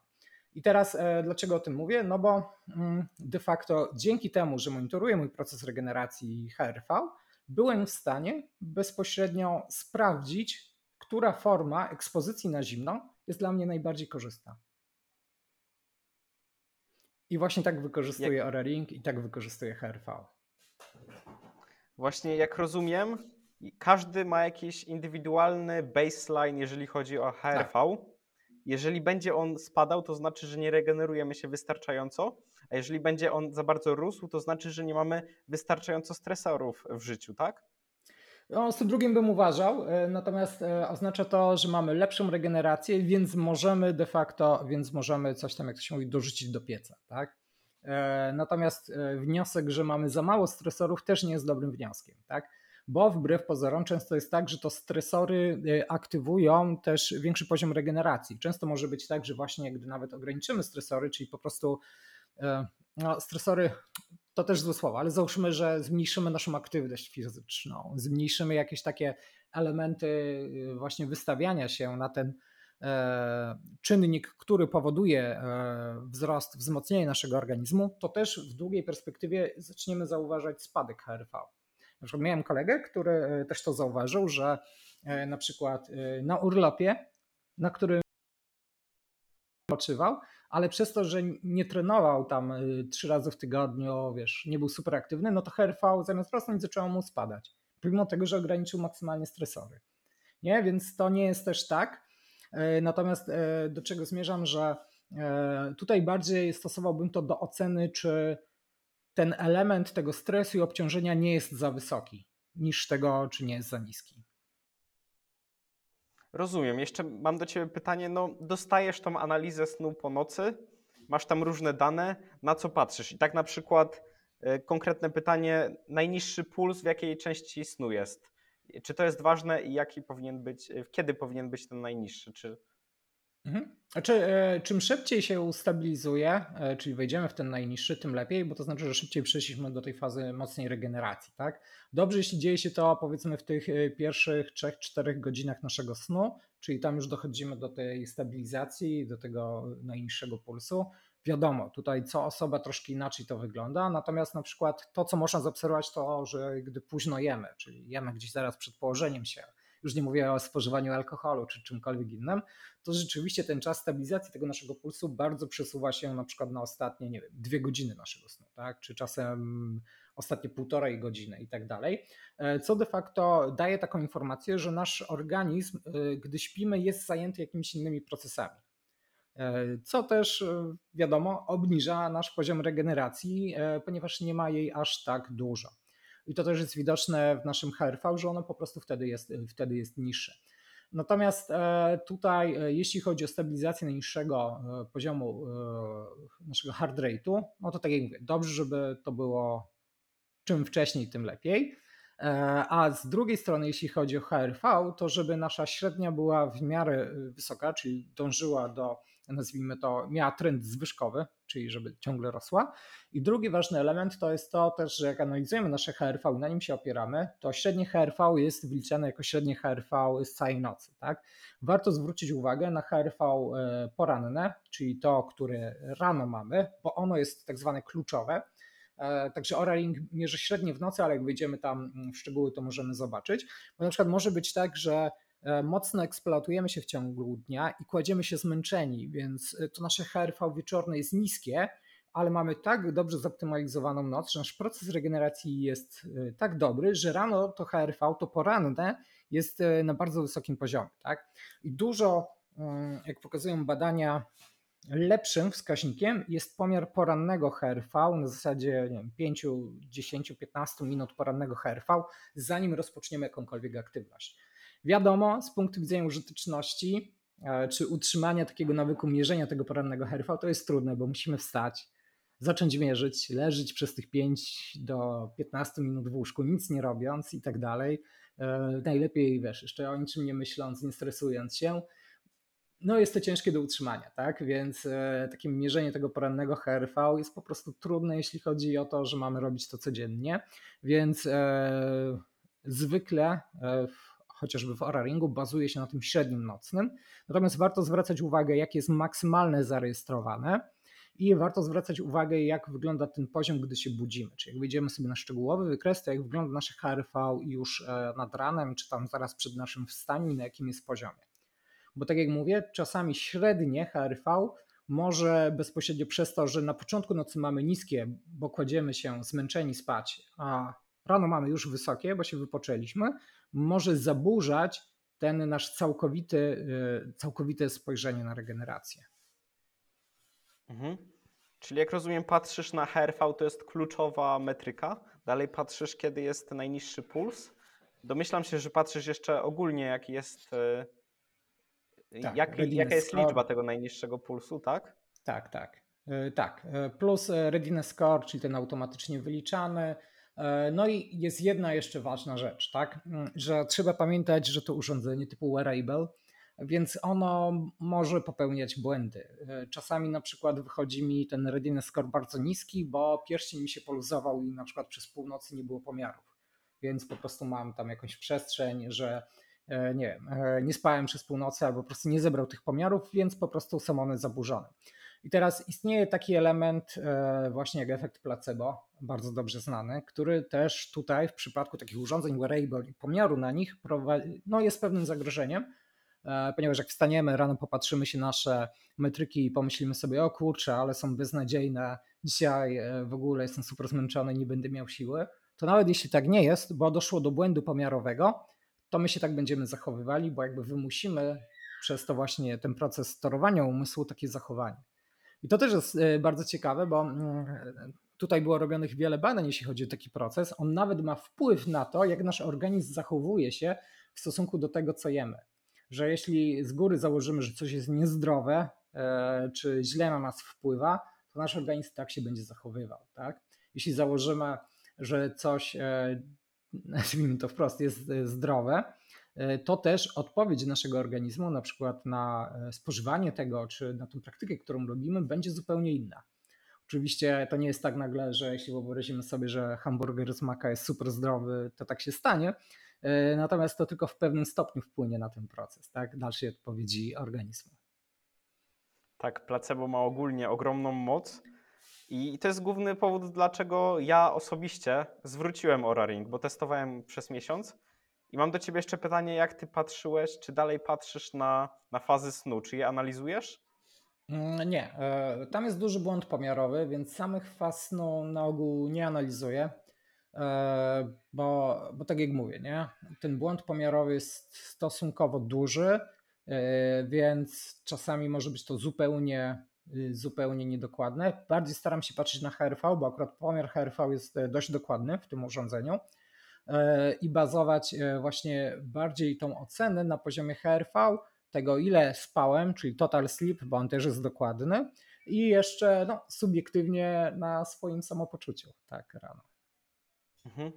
Właśnie z tą, e, z tą dokładnością to mnie to trochę zirytowało nawet, że Ora Ring ma jakiś algorytm, który mierzy ile ma się snu głębokiego, ile REM i tak dalej, po czym wprowadzają beta algorytm, który jest nowym algorytmem i dają użytkownikowi jednocześnie do wyboru dwa algorytmy. I tak zgodnie ze starym algorytmem musiałbym coś zmienić w swoim życiu, może suplementację czy coś, żeby wydłużyć czas snurem, a zgodnie z nowym algorytmem już nic bym nie musiał robić i jest w porządku, więc to moim zdaniem to jest takie trochę strzelenie sobie e, w kolano, bo ktoś, kto używał przez kilka lat Aura Ring, nagle się dowiaduje, że ten algorytm nie jest taki dobry i wszystko, co do tej pory czytał, może, może mieć 50% dokładności, więc dlatego tak. głównie zrezygnowałem z Aura Ring. Jak ty patrzysz na tą kwestię? Ty, ty, tylko pamiętajmy, że tu chodzi o pomiar e, fast, no właśnie epoch by epoch, nie? czyli tam faza po fazie. I rzeczywiście, niezależnie na który wearable sobie zobaczymy, to bardzo ciężko jest to zmierzyć tylko z odczytów z nadgarstka czy palca, w zależności z którego korzystamy. I e, dlatego mówię, że nie należy się, niezależnie czym monitorujemy swój sen, e, a optymalizować się pod względem tylko tych parametrów i b e, bezpośrednio mocno na nie patrzeć, tak? Czasami możemy, jeśli używamy tego samego e, urządzenia i ten sam e, algorytm, patrzeć tylko na zmianę, czyli na te delty w długim terminie. Czyli jak długoterminowo przesuwa się delta tego parametru względem pomiarów, e, bo to bezpośrednio, mm, bo to bezpośrednio wiesz, wpływa na, wpływa na to, że, że możemy podjąć pewną, mm, pewną decyzję, że rzeczywiście to jakoś na to wpływa, bo to pozwoli nam, czyli ta zmiana trendu długoterminowego, bazując na tym, że nie zmieniamy algorytmów w międzyczasie, ani nie robimy żadnych zmian, nie wiem, e, nagle nie mamy tego na innym palcu, czy e, jakoś e, nie zmieniamy bardzo mocno środowiska, w którym odbywa się pomiar, to zmiana trendu jest w stanie wskazać nam, jak niektóre elementy przekładają się rzeczywiście, nie wiem, na długość naszego e, snu głębokiego czy fazyrem e, względem jakiejś bazy, tak? Ale ta baza zawsze jest obarczona błędem. Mhm. Jak najbardziej głównie trzeba bazować na trendach w przypadku takich urządzeń. I tak e, właśnie taka, takie pytanie może z perspektywy czasu. Czy to był dobry zakup, czy dużo zmienił w Twoim życiu? Wydaje mi się, że tak. Wydaje mi się, że tak, bo e, a, wcześniej używałem opaski, e, która mierzyła mi tylko HRV mm, i no, tak jak mówię, musiałem leżeć rano codziennie, robiąc sobie ten pomiar, więc nie było to praktyczne. Mm, natomiast e, jeśli chodzi o takie urządzenie do takiego szybkiego feedbacku, tak jak nawet wspominałem z tą zimną kąpielą, tak? Jest to bardzo, jest to bardzo pożyteczne, ponieważ jesteś w stanie wykryć trend, e, czyli tego, że na przykład się przeciążasz, zanim odczujesz fizyczne skutki tego. Jesteś w stanie to, e, jesteś w stanie to w pewien sposób zoptymalizować. Bo na przykład jeśli bierzesz zimne kąpiele, no to ten poziom kortyzolu, e, poziom adrenaliny, epinefryny, w zależności gdzie się wydziela, który się wydziela w organizmie, tak, dopaminy i tak dalej, maskuje na początku to zmęczenie. Ty tego nie odczuwasz, bo odpowiedź hormonalna jest tak mocna, że czujesz się super. Natomiast długoterminowo będzie to powodowało, że zaczniesz być coraz bardziej przemęczony, nie? A dzięki temu, że masz pewien obiektywny wskaźnik bazujący właśnie na HRV, na pracy serca, e, chociażby na długości snu i tak dalej, jesteś w stanie zobaczyć zmiany tych, tego trendu szybciej, przez co jesteś w stanie zadziałać szybciej i lepiej to optymalizować. I z tego punktu widzenia wydaje mi się, że był to dobry zakup e, i często właśnie stosuję go do tego. Tak samo patrzę, jak na przykład e, wpływa rozłożenie pracy w ciągu dnia na mnie, tak? E, I optymalizuję swoje, swoje zadania w ciągu dnia. Czyli teraz, teraz na przykład pracuję w e, takim najlepiej z punktu widzenia mojej regeneracji, to jest taki tryb pracy w dwóch oknach pracy głębokiej, tak? gdzie pierwszy mam w czterech pierwszych godzinach swojego dnia, drugie mam gdzieś e, właśnie po południu. E, co jeszcze? Wiem na przykład, że różnego rodzaju wyjazdy źle na mnie wpływają, tak? I potem potrzebuję pewnego czasu, żeby dojść do siebie. Wiem, że czyli jestem w stanie optymalizować moją efektywność w ujęciu tygodnia, czyli na przykład mieć dni, w których jakby optymalizuje się pod tą większą efektywność i gdy widzę, że już HRV wszystkie parametry readiness zaczynają mi spadać, no to w kolejnych dniach jakby schodzę z tą, e, z tą maksymalną produktywnością po to, żeby dać czas na regenerację organizmowi i tak dalej, i tak dalej. Tak? Eksperymentuję na przykład z różnymi formami treningu i wiem, e, kiedy to jest za ciężko, w zasadzie, że już mój organizm nie wydala, albo jest już u progu, po którym zacznie nie wydalać z tym, E, a kiedy nie. No i to de facto y, jest bardzo cenna informacja, mówiąc wprost.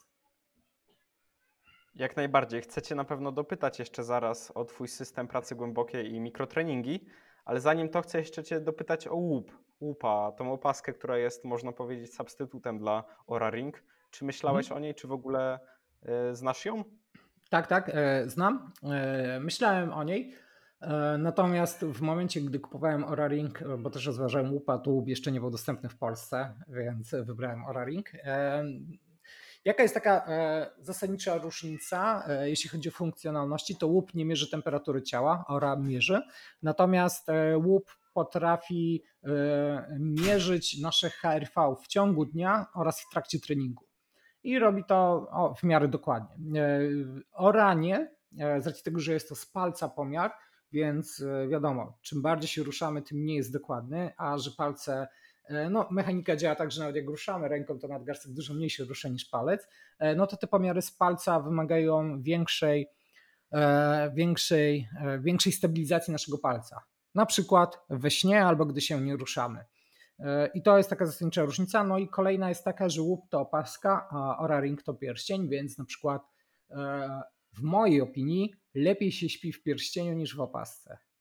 Ale to już e, nazwijmy to moja mm, osobista predyspozycja.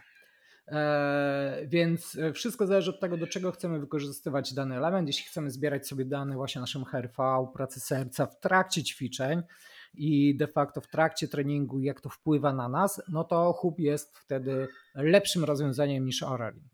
Jeśli nie lubimy spać w opaskach i de facto przeszkadza nam, jak coś mamy na nadgarstku, no to możliwe, że Oura Ring jest lepszym rozwiązaniem, bo po prostu jest pierścieniem, który na noc sobie zakładamy, więc nie jest aż tak, nie wiem, odczuwalny czy inwazyjny, no inwazyjny to złe słowo, ale nie jest taki duży, wiesz, i ciężki jak opaska na przykład. Więc bezpośrednio taki poziom regeneracji codziennej, e, to obydwa te urządzenia są dobre i obydwa, e, na podstawie obydwu z nich jesteśmy w stanie wyciągnąć te same wnioski, czyli analizując zmianę trendu, czy się lepiej regenerujemy, czy to obciążenie jest zbyt wysokie. Świetną też sprawą w tych czasach jest to, że mamy 30 dni na testowanie i możemy to potem zwrócić bez ponoszenia w zasadzie żadnych kosztów. Ja tak za jakiś czas myślę, że sobie właśnie przetestuję jeszcze E, łupa. Jeszcze na koniec Cię dopytam, czy nie miałbyś nic przeciwko, żeby podzielić się, jak wyglądają Twoje statystyki snu? E, pewnie. E, a propos jeszcze tych urządzeń, to jeszcze popularnym było kiedyś takie urządzenie i teraz sobie właśnie sprawdzam, które nazywa się BioStrap, które też było taką opaską podobną do hupa, więc też polecam sobie sprawdzić i przetestować. Też, też właśnie mierzył HRV, poziom regeneracji, bardzo fajnie działało i to była taka nazwijmy to, e, trzeci produkt, jeśli chodzi o konkurencję bezpośrednio do Hupa i do Ory. E, więc jak będziesz testował, to też śmiało polecam przetestować to. E, tak, jeśli chodzi o statystyki snu, jak to u mnie wygląda? Na ogół kładę się spać gdzieś pomiędzy 9 a 10.30. Staram się w tych, w tych granicach zawsze chodzić spać. E, wstaję e, gdzieś pomiędzy tam powiedzmy 6 a 7.15, e, 7.20 codziennie i wprowadziłem sobie też takie jakby to powiedzieć, taki przedział, czyli nie mam tak, że budzę się o tej samej godzinie, tylko mam przedział, w którym mam właśnie tych półtorej godziny na obudzenie się i na ogół w tym przeciągu się budzę. E, po to, żeby mój organizm też automatycznie dostosował tę ilość snu do aktualnego poziomu regeneracji, który potrzebuje. I to u mnie bardzo fajnie się sprawdza i to też polecam, jeśli ktoś ma taką możliwość, to zastosowanie nie budzenia punktowego, tylko w przedziale, czyli w przedziale, w którym chcemy stać, po to, żeby nasz organizm dostosował tą ilość snu e, dla niego niezbędną, e, bo nasze obciążenie w ciągu każdego innego jednego dnia inaczej wygląda. E, więc tak mniej więcej wygląda ten całkowity mój czas spania. Jest to na ogół około 8 godzin, mniej więcej od 7.30 do 8.30. Gdzieś w tym, w tym aspekcie zawsze się poruszam, gdzie naturalnie się e, budzę. E, jeśli chodzi o długość poszczególnych faz snu, no to tak jak wspomniałem, tutaj te statystyki są obarczone błędem ale mogę się podzielić. Według Ory na ogół snu głębokiego mam około 2 godzin, od godziny 45 do 2.15, gdzieś zawsze w, tym, w tej przestrzeni się poruszam. E, REM gdzieś od godziny 20 do godziny 50 zwykle. Więc, mhm. tak, to, więc tak to wygląda. A twój średni readiness score jaki byłby? Różnie, y, różnie. 80 y, parę w orze, y, pod 90 czasami, także gdzieś, gdzieś w tym. Mhm. Co ciekawe, bardzo dobrze na orze widać za każdym razem, na przykład, gdy doznam jakiejś kontuzji, zaczynam, jakiś wirus mnie bierze czy coś, to od razu to widać na pracy serca, na temperaturze, na HRV E, więc e, następnego dnia od razu Ora mi mówi, że o, coś jest nie tak, dzisiaj odpoczywaj. I powiem ci, że to jest fascynujące, jak bardzo trafne to jest. Tak, ja się z tym zgadzam. Jednej nocy miałem gorączkę i rzeczywiście pierścień od razu to pokazał. No z jednej strony jest to fascynujące, a z drugiej, bo przecież wiem, że mam gorączkę, domyślam się, że moja temperatura była większa, więc nie jest to nic odkrywczego, ale na pewno pokazuje, że technologię mamy już niezłą. A właśnie chciałem jeszcze tak. dodać do tematu budzenia się w e, widełkach czasowych. To łup ma dodatkową opcję, że właśnie jak mierzy twój sen, to zacznie ci wibrować, żeby cię obudzić właśnie tak. w widełkach. To jest ciekawa dodatkowa funkcjonalność. Tak samo widziałem testy takie naukowe różnych właśnie y, urządzeń do mierzenia snu mhm. w porównaniu do, do takich typowych naukowych, badawczych instrumentów i tak najlepszą skuteczność ma, mają smartwatche Apple o dziwo. Czyli pro, w ogóle produkt, który jest, którego tylko dodatkiem jest mierzenie snu. Tak. To tak jako ciekawostka. I I myślę, że to tyle właśnie z, z ogólnie z tego tematu. Naprawdę dużo, dużą ilością wiedzy się podzieliłeś. Mam jeszcze do Ciebie pytanie teraz już o tą pracę głęboką. Jak to dokładnie wygląda? Bo Mhm. sam próbuję znaleźć jakiś system do takiej pracy głębokiej, ale nie mam kompletnie pomysłu, jak zacząć. Jak to u Ciebie wygląda? Dobrze. E, Okej, to może zacznijmy od samej koncepcji, czym jest praca głęboka, e, bo wydaje mi się, że to jest. No, niektórzy po prostu mogą nie wiedzieć. Teraz e, praca głęboka w definicji, którą wymyślił Carl Newport, jest to praca związana ze strefą wolną od rozproszeń, gdzie maksymalnie koncentrujemy się na zadaniach, które mm, powinniśmy zrealizować wolnie od wszelkich rozproszeń, które gdzieś tam nas odciągają.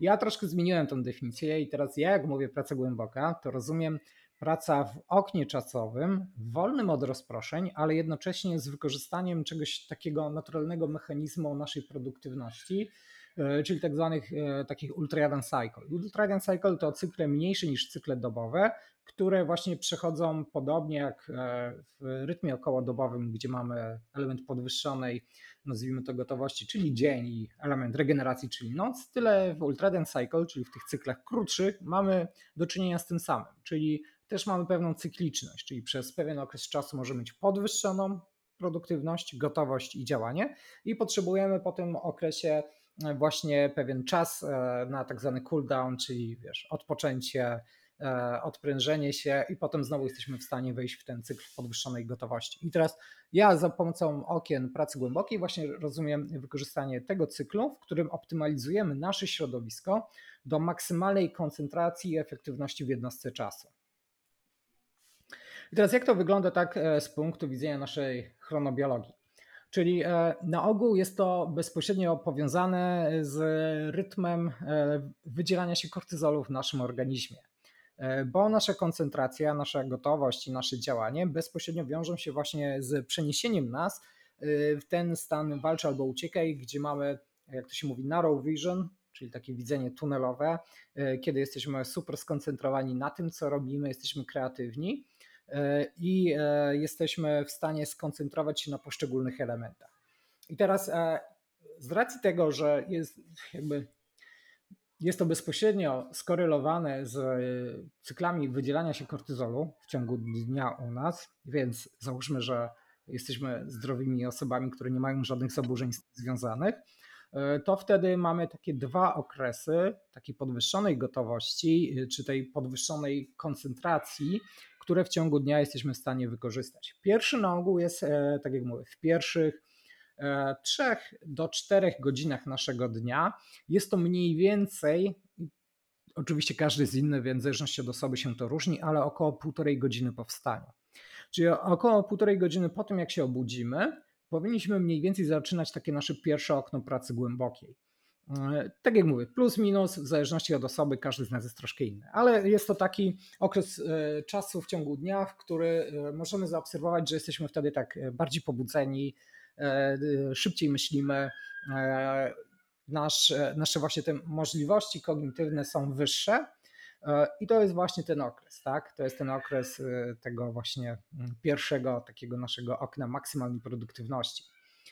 Ja pod niego się jeszcze optymalizuję, chociażby zimnymi kąpielami, porannym też takim rozruchem, czyli treningiem fizycznym, tam wystawianiem się na słońce. To akurat wiąże się z zimnymi kąpielami, bo mam banie balię na zewnątrz, więc e, tego ice tube'a, więc od razu jak się kąpię, to wystawiam się na światło słoneczne. E, I potem jakby przechodzę powiedzmy po tej półtorej e, godziny mniej więcej po tym wstaniu do mojego pierwszego okna pracy głębokiej, czyli jest to gdzieś około 8-8.30. Wtedy mniej więcej go zaczynam. Trwa ono półtorej godziny, 90 minut. Tyle mniej więcej właśnie trwa taki jeden cykl produktywności, po czym jakby dochodzi do cooldownu, czyli odpoczynku. Trakcie tych 90 minut staram się pracować już nad wybranymi zadaniami, czyli wcześniej przygotowuję sobie, e, mam ogólnie cały system zarządzania zadaniami, może nie będę już mówił teraz o nim, bo dużo czasu by nam to zajęło. E, najwyżej jak mnie jeszcze kiedyś zaprosisz do swojego podcastu, to wtedy.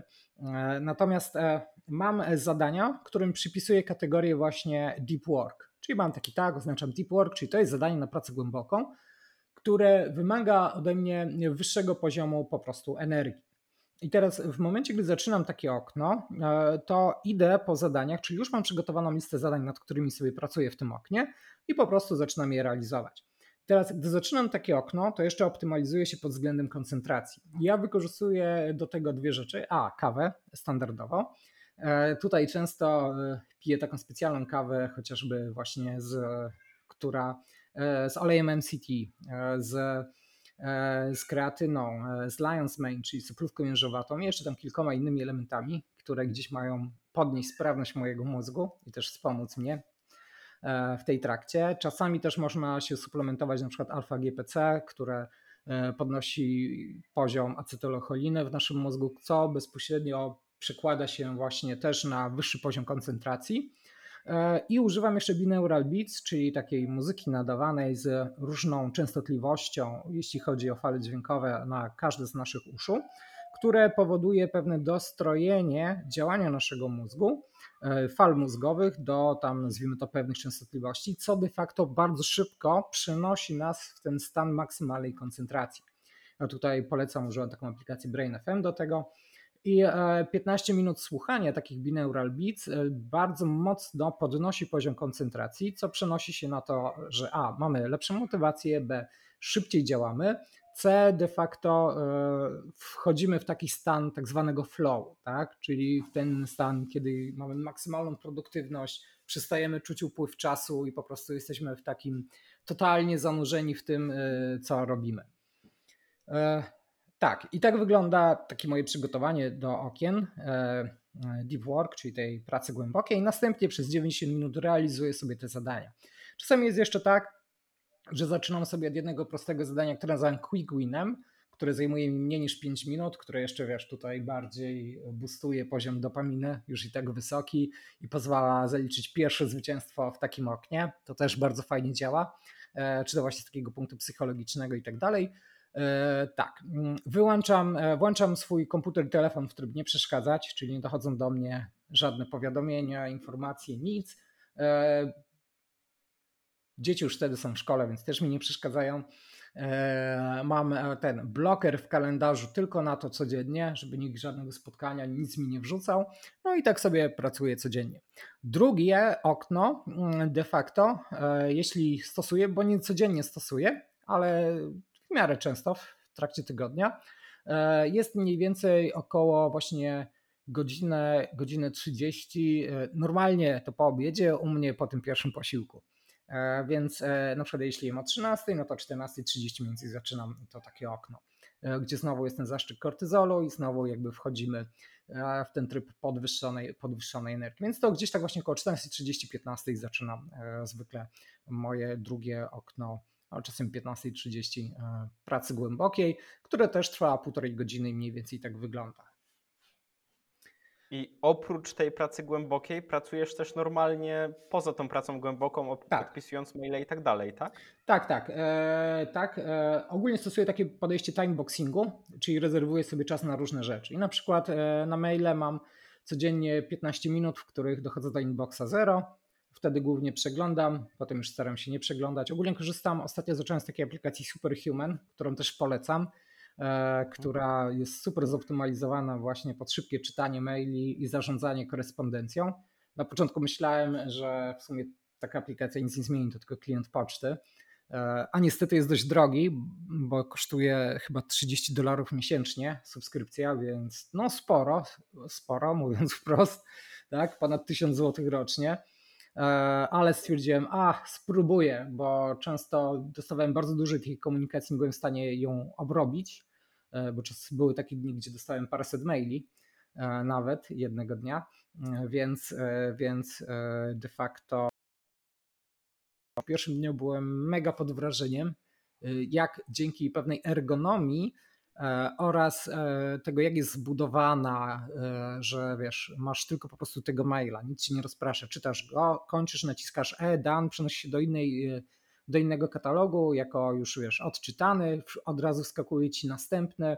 Jeszcze e, dzięki temu, że kiedyś odbywałem kurs szybkiego czytania, więc po prostu wiesz, skanuję te maile oczami ekstremalnie szybko, no to jestem w stanie w 15 minut obrobić naprawdę mega dużo maili. I każdy mail kończy się trzema e, takimi e, zadaniami. Czy może nie zadaniami, ale efektami. Pierwszy to po prostu odhaczenie, że go zrobiłem, przeczytałem, bo był to mail informacyjny. Jest ok. Drugi to stworzeniem jakiegoś zadania. Czyli na przykład przychodzi mail na zasadzie muszę coś zrobić, bo jest to informacja, która wymaga ode mnie jakiejś akcji, no to od razu do swojej todoisty dodaję zadanie, które na przykład realizuję potem w oknie pracy głębokiej, albo jako, jeśli jest to jakieś takie szybkie zadanie, no to gdzieś nie wymagające dużego skupienia, no to gdzieś pomiędzy, jak mam czas. E, lub trzeci element to jakaś informacja, którą zapisuję sobie do takiego, ja to nazywam Digital Second Brain, czyli mojego e, drugiego mózgu cyfrowego, który mam w Notion, gdzie po prostu przekazuję tą treść, powiedzmy, do przeczytania, czy do analizy, do nauki, czy po prostu do wykorzystania tam w przyszłości. Są też takie maile na przykład, które chcę zaadresować, ale nie chcę zrobić tego teraz, więc jest też taka opcja w Superhuman, że po prostu naciskam sobie przycisk H i mówię przypomnij mi o tym mailu e, danego dnia o danej godzinie i wtedy pojawia się tam jakby wtedy przyszedł. Nie? I jakby te, te to tak naprawdę cztery, e, cztery mm, elementy bezpośrednio pozwalają mi obrobić bardzo dużą ilość komunikacji, no praktycznie tak jak mówię, nie? w 10-15 minut. I Naprawdę ciekawa to... aplikacja. Na, na pewno sobie ją sprawdzę. A jeszcze mam do Ciebie pytanie a propos tych binaural beatsów. Mhm. Mówiłeś, że 15 minut nastraja Cię właśnie pod pracę głęboką. Mhm. To czy to jest tak, że robisz to bezpośrednio przed... Pra... E, tak, okej. Okay. Czy robisz to bezpośrednio przed pracą głęboką, czy na początku i potem to wyłączasz, czy może przez całe 90 minut? Mm, ja robię to na początku, czyli jakby już ten okres e, dostrojenia się w to wliczam i wtedy, gdy sobie zaczynam słuchać binaural beats, to właśnie robię sobie te proste zadania quick win, które też jeszcze e, tutaj szybciej, szybciej wprowadzają mnie w ten stan. E, jeśli chodzi o słuchanie, to różnie, różnie. Czasami już wiesz, jestem tak pochłonięty tym, czyli wchodzę w taką koncentrację, że zapominam, że ich słucham, więc wtedy słucham przez 90 minut czasami wy, wyłączam mm, po tych 30, bo na przykład e, elementem tego, co muszę zrobić, e, jest odsłuchanie czegoś, czy jakiś impuls, nazwijmy to dźwiękowy, który muszę przetworzyć, więc wtedy oczywiście to nie ma sensu.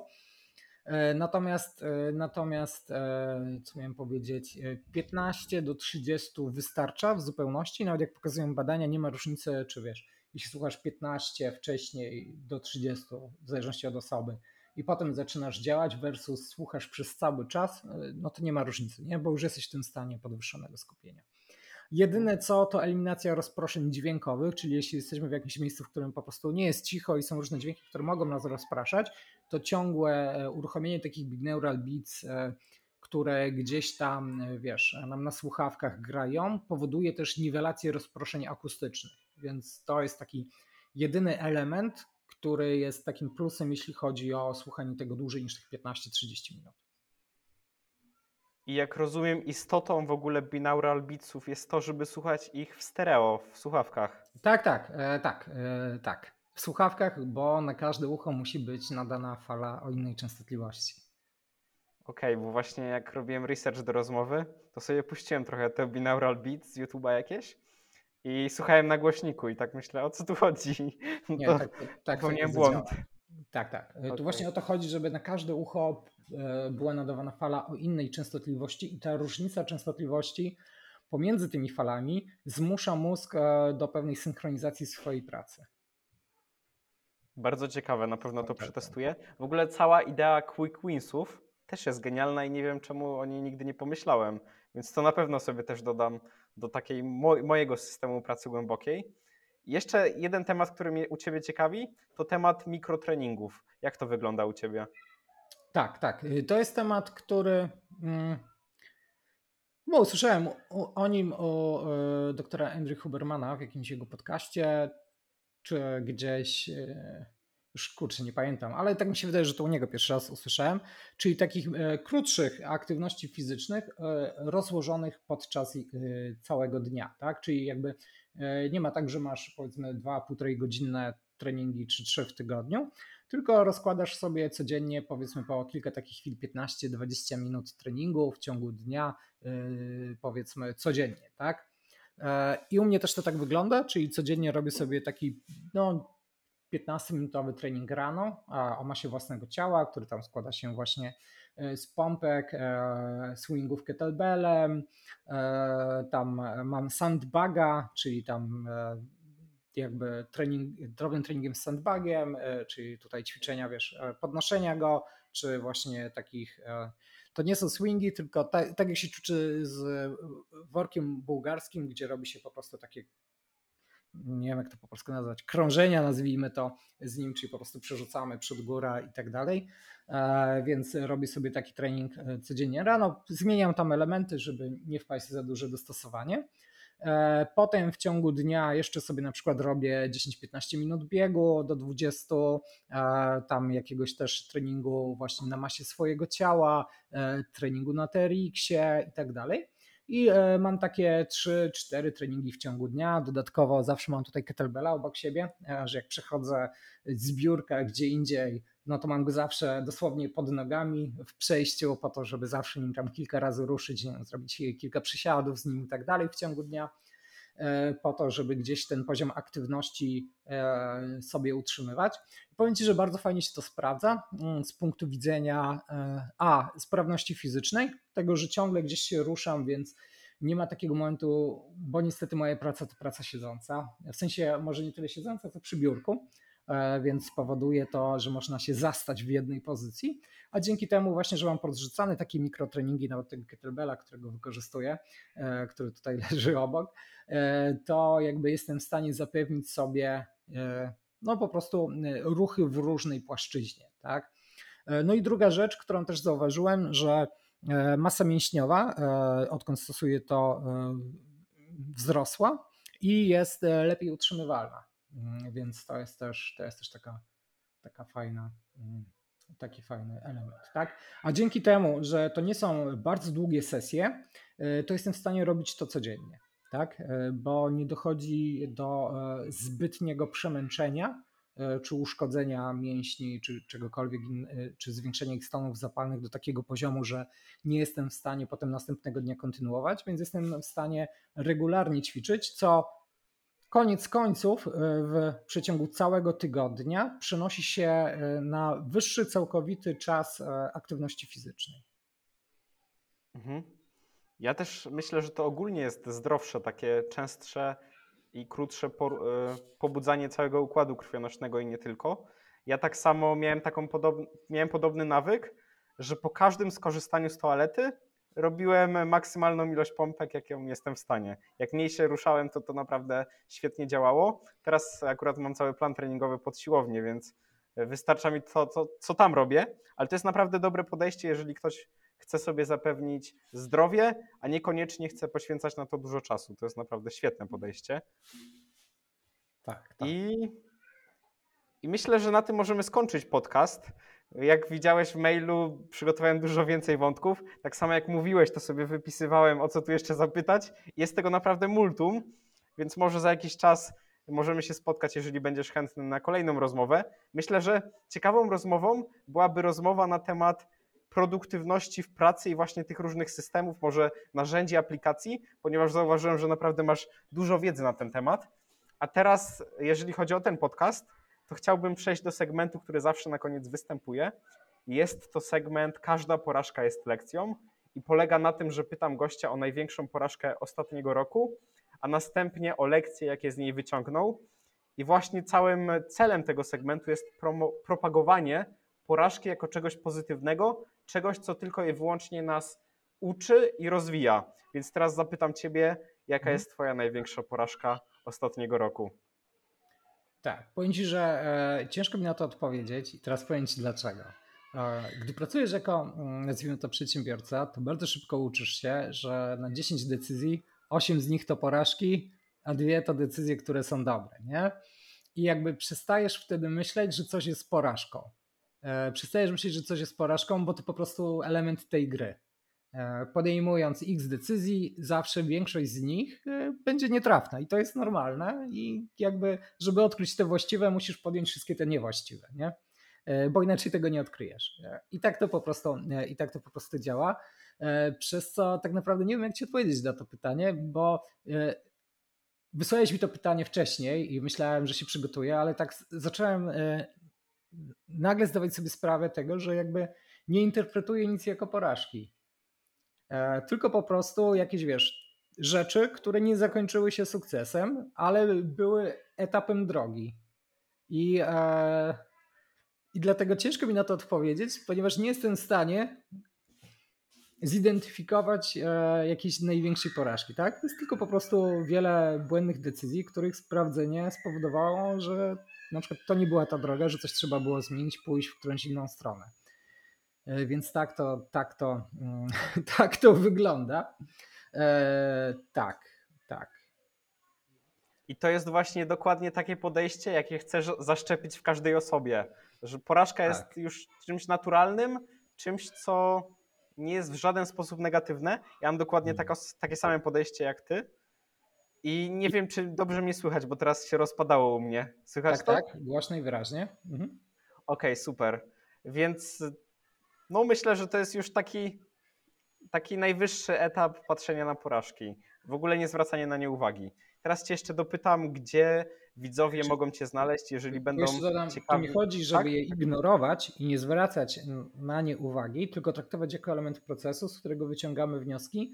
Natomiast e, nie odczuwać tego impulsu emocjonalnego, który z tym idzie, który bezpośrednio sugeruje, że coś z nami jest nie tak, że jesteśmy, nie wiem, złymi osobami, nie znamy się na tym zupełnie, czy, czy w ogóle nie ma sensu, wiesz, jakiekolwiek inne działania. Czyli jakby odłączenie tego procesu emocjonalnego przywiązania, e, budowania poczucia własnej wartości do, od porażki. Tak? Czyli porażka nie świadczy o tym, kim jesteśmy, tylko o tym, że popełniliśmy jakiś błąd, coś robiąc, więc musimy wyciągnąć wnioski, skorygować ten błąd. I myślę, Dokładnie że tak. To należy zinterpretować. Tak, dokładnie tak. Użyłem trochę skrótu myślowego i jak najbardziej świetnie to w zasadzie wymyśli, e, wypowiedziałeś, żeby odciąć jakby tą emocjonalność od tej porażki. To jest świetne podsumowanie. Teraz Cię zapytam, gdzie widzowie mogą Cię znaleźć, jeżeli będą zainteresowani Twoimi działaniami i mhm. ogólnie tematyką poruszoną w dzisiejszym podcaście. Tak, e, głównie na Instagramie mm, i na LinkedInie. E, tam najwięcej publikuję. E, mam też kanał na YouTubie z mniejszą częstotliwością, tam trafiają treści, natomiast też można znaleźć tam dużo różnych właśnie wideomateriałów, w których poruszam różne z tych tematów. Natomiast głównie, tak jak wspomniałem, to Instagram, Tak, właśnie osobiście nie korzystam na co dzień z Instagrama, ale jak skorzystałem, żeby zrobić jakiś research, to bardzo mi się podobało, że co jakiś czas e, na story wrzucasz różnego rodzaju właśnie myśli czy cytaty różnych ludzi, czy jakieś wypowiedzi z podcastów, które przekazują taką mentalność. E, współgra ta mentalność ze mną, więc to mi się podoba w Twoim Instagramie na pewno. I chciałbym Ci już podziękować za cały podcast. Przekazałeś dużo wiedzy. E, na pewno sam zanotowałem kilka rzeczy, nad którymi chcę popracować i na które chcę sprawdzić po prostu, więc bardzo Ci dziękuję, że udało nam się porozmawiać. Dzięki uprzejme za zaproszenie. E, było mi bardzo miło tutaj porozmawiać z Tobą, także dzięki też wszystkim, którzy to oglądają, za obejrzenie i dotrwanie do końca, nawet jeśli czasami przynudzałem. I tak jak mówię, jeśli jesteście zainteresowani jakimiś treściami, to zapraszam e, na moje sociale. Tak, ja oczywiście zostawię linki w opisie. Bardzo Ci dziękuję. I, I do następnego podcastu. Hej. Dzięki, cześć. Jeżeli dotarłeś do tego miejsca, to zostaw w komentarzu taką oto emotkę serca. A na pewno przypnę Ci serduszko. Jeżeli masz dobry dzień, to zostaw również lajka, czyli łapeczkę w górę oraz subskrypcję. W ten sposób wspierasz cały projekt darmowych rozmów najwyższej jakości. A teraz czas na autopromocję. Część z Was może nie wiedzieć, ale napisałem własną książkę. Książka ukazała się w formie dropu i wyszło tylko 100 egzemplarzy. Jeżeli interesujesz się rozwojem osobistym lub jesteś na początku swojej drogi w tym temacie, to ta pozycja jest dla Ciebie.